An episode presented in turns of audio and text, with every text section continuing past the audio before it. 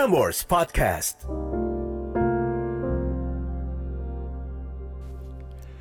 Catatan akhir malam oleh Narendra Pawaka.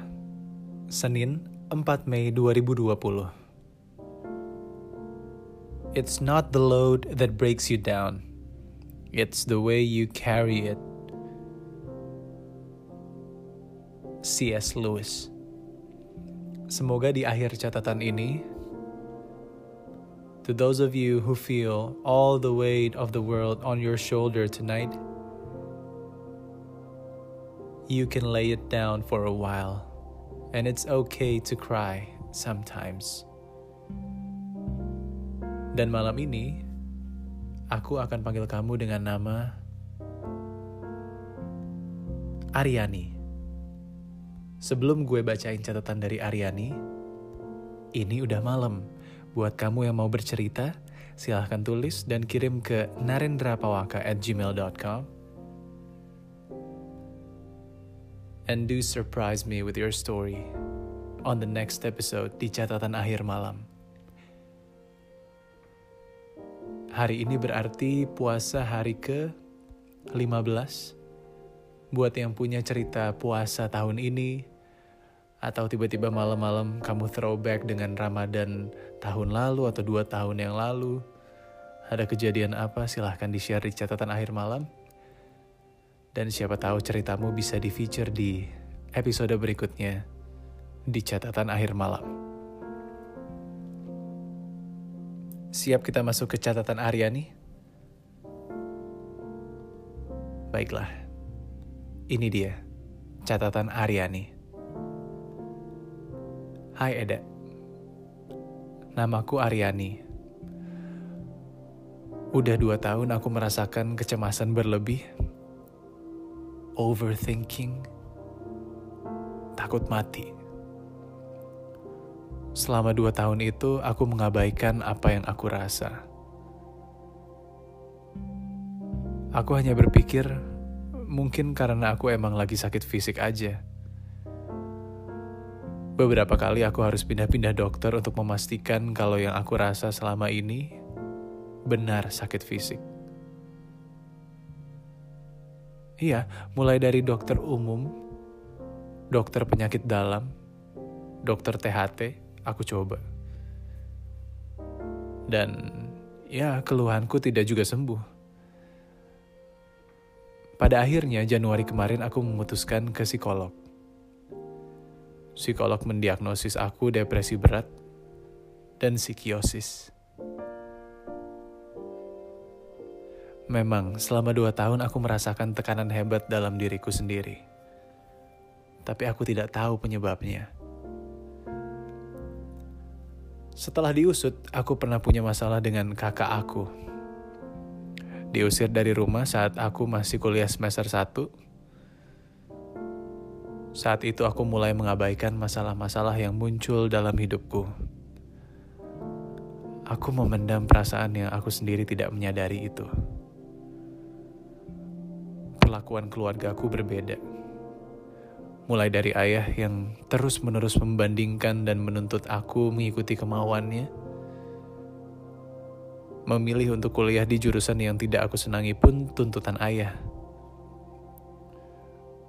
Aku sadar, saat itu kemampuanku tidak seperti ketiga saudaraku.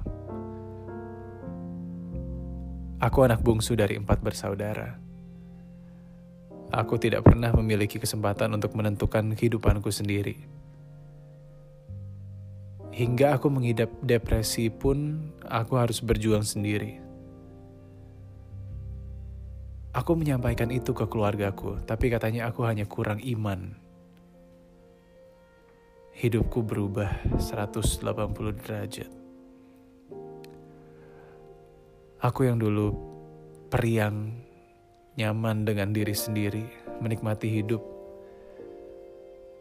Kini menjadi pemurung, mudah tersinggung, tidak percaya diri.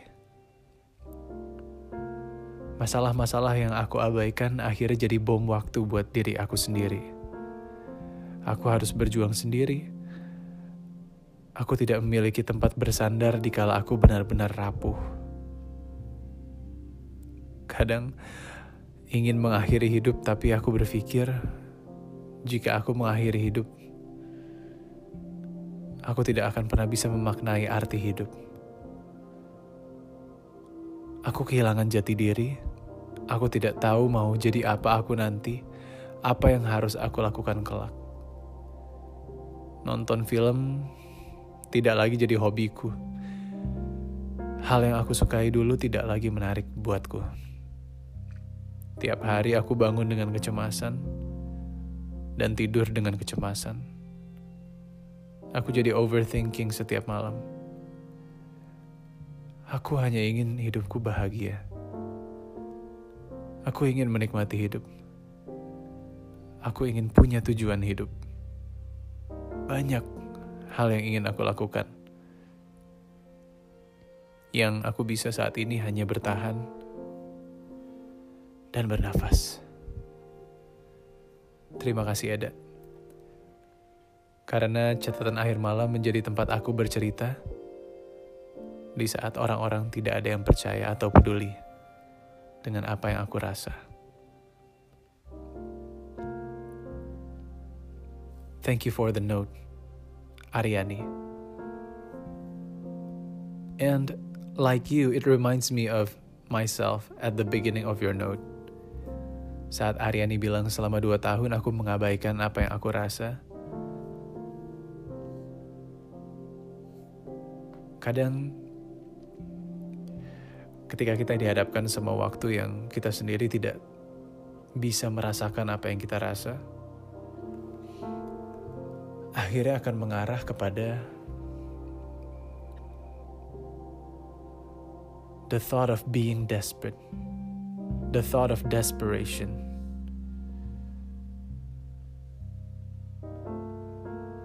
But sometimes, I wouldn't say that I'm depressed. But on the contrary, that feeling is my way out of depression. Jadi kadang apa yang gue rasa itu depresi, tapi ternyata ini adalah sebuah cara untuk keluar dari depresi itu sendiri.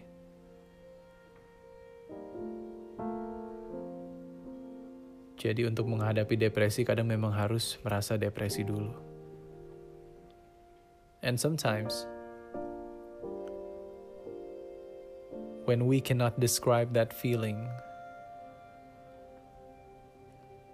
itu biasa terjadi di malam-malam seperti ini, sendiri, di kamar saja, tidak bisa tidur, karena banyak sekali hal-hal yang dipikirkan, contohnya hari esok harus ngapain ataupun memori-memori yang belum selesai dan menyakitkan di hati, yang tiba-tiba kita sadar kalau selama dua tahun ini gue udah mengabaikan perasaan itu. So tonight to all of you who tries to carry the weight of the world, I would say, please give yourself a break. At the first point, you cannot live happily if you're constantly trying to please others. You need to please yourself first. And I promise you, the world will keep spinning. So you have to keep on trying to believe in yourself.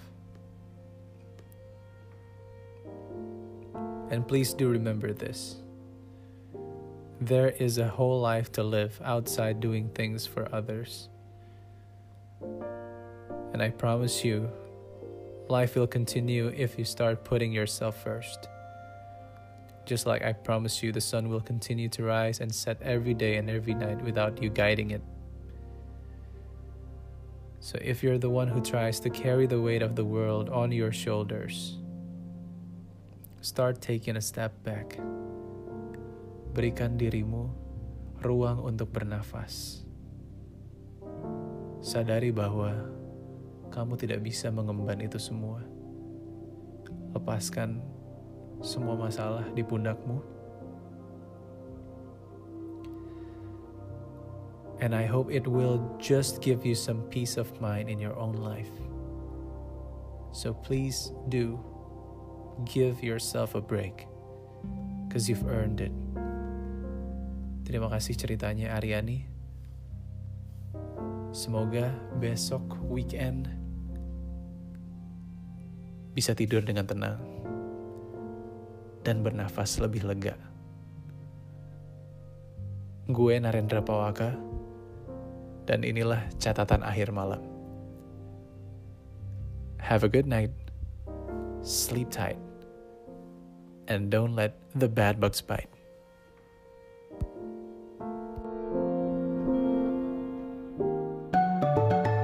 Frameworks Podcast.